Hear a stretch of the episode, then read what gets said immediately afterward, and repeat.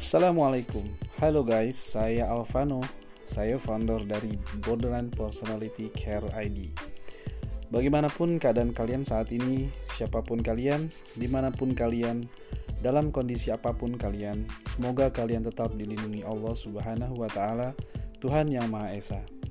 Semoga kebahagiaan, kesuksesan, dan keberuntungan selalu menyertai kalian semuanya dan saya akan selalu mendoakan kebaikan untuk kalian yang sedang mendengarkan podcast ini.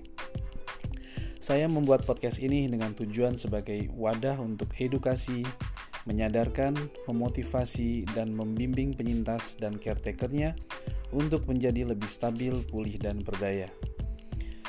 Menjadi penyintas borderline personality disorder memang bukan hal yang mudah. Lama sebelum terdiagnosa, pasti kalian sudah mengalami berbagai turbulensi kehidupan yang luar biasa dan seakan kehidupan yang baik tidak pernah berpihak kepada kalian. Kalian sering kali menemukan pengabaian, kesedihan, kemarahan, kebingungan, ketidakstabilan perilaku, serta keputusasaan yang selalu berulang. Ya, sedikit saya paham, kalian sudah berusaha semaksimal mungkin. Semua kemampuan sudah dikerahkan, tetapi semua itu berulang kembali. Saya paham, kalian tidak pernah menghendaki itu semua terjadi tetapi semua kenyataan itu sudah terjadi. Dan kalian merasa tidak tahu kapan ini semua akan berakhir. Bagi caretaker ataupun caregiver, mungkin sangat membingungkan bertahun-tahun berdampingan dengan seorang penyintas borderline personality disorder. Bagaimana bisa seseorang hidup dalam keadaan super sensitif? Bagaimana saya harus berhubungan dengan mereka?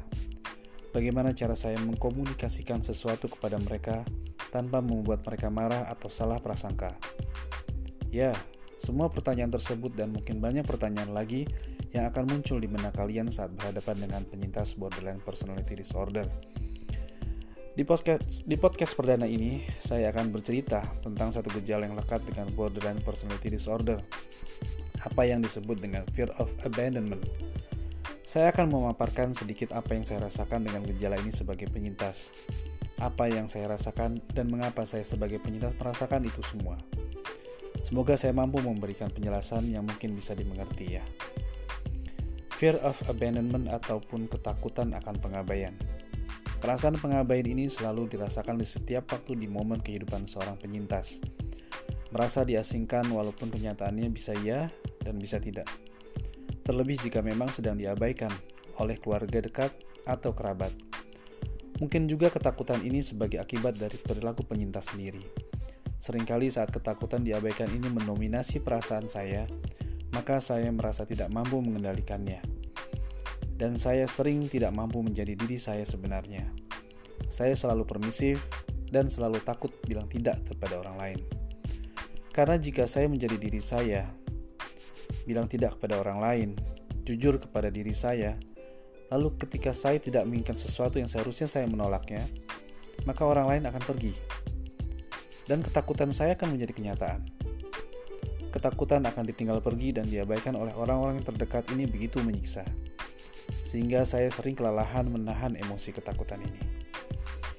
Perasaan ketakutan akan ditinggalkan atau diabaikan ini juga sering muncul saat saya dalam keadaan sendiri, malam hari ataupun siang hari tidak ada siapa pun menemani saya di kamar, di rumah, atau di suatu tempat di mana saya harus terpaksa sendiri.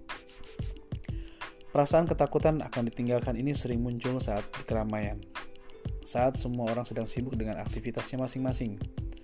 Perasaan ini dapat timbul tiba-tiba saat saya sedang asik mengobrol dengan seseorang yang saya kenal. Jadi, perasaan ini bisa timbul di mana aja. Dan ini memang nyata adanya. Sekarang saya akan bercerita tentang apa efek dari fear of abandonment ini.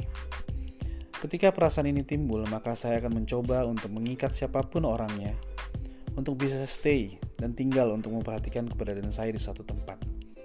Misalnya, saya akan telepon teman ataupun WhatsApp menghubungi teman-teman atau saya akan menghubungi orang-orang asing yang saya belum kenal.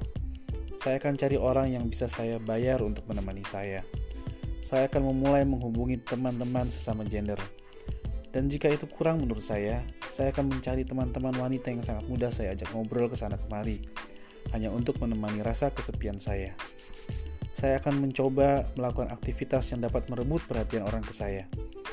Saya akan mengganti warna rambut dan saya akan mengganti tato tubuh saya ataupun mentato tubuh saya yang lain. Saya akan coba berbagai macam tren pakaian terbaru. Saya akan berganti-ganti aksesoris dalam tubuh saya. Semua tindakan-tindakan saya yang sifatnya impulsif dan tiba-tiba, seperti piercing ataupun mentindik. Semua itu ada di luar kontrol saya. Biasanya saya baru mampu menyadarinya saat semua sudah terjadi. Inilah gejala psikotik yang dominan di penyintas BPD dan juga anger. Nanti saya akan membahas tentang ini sendiri. Oke lah, ini sekilas tentang gejala BPD terhadap ketakutan akan pengabaian. Semua, semoga pendengar podcast ini dapat memahami apa yang dialami penyintas sebenarnya. Oke teman-teman, inilah bagian pertama dari pembahasan mengenai salah satu gejala borderline personality disorder, yaitu tentang ketakutan akan pengabaian. Insya Allah next akan ada bagian kedua dan topik pembahasan lainnya. So, jangan pernah berputus asa. Tetaplah semangat untuk selalu ingin stabil, pulih, dan berdaya. Saya di sini akan selalu menemani kalian dalam cerita dan kisah kehidupan seorang borderline personality disorder dan juga gejala-gejalanya. Dan juga bagaimana kita mengatasinya. Salam stabil, pulih, dan berdaya. Sampai jumpa di next episode. Salam sehat jiwa. Wassalam.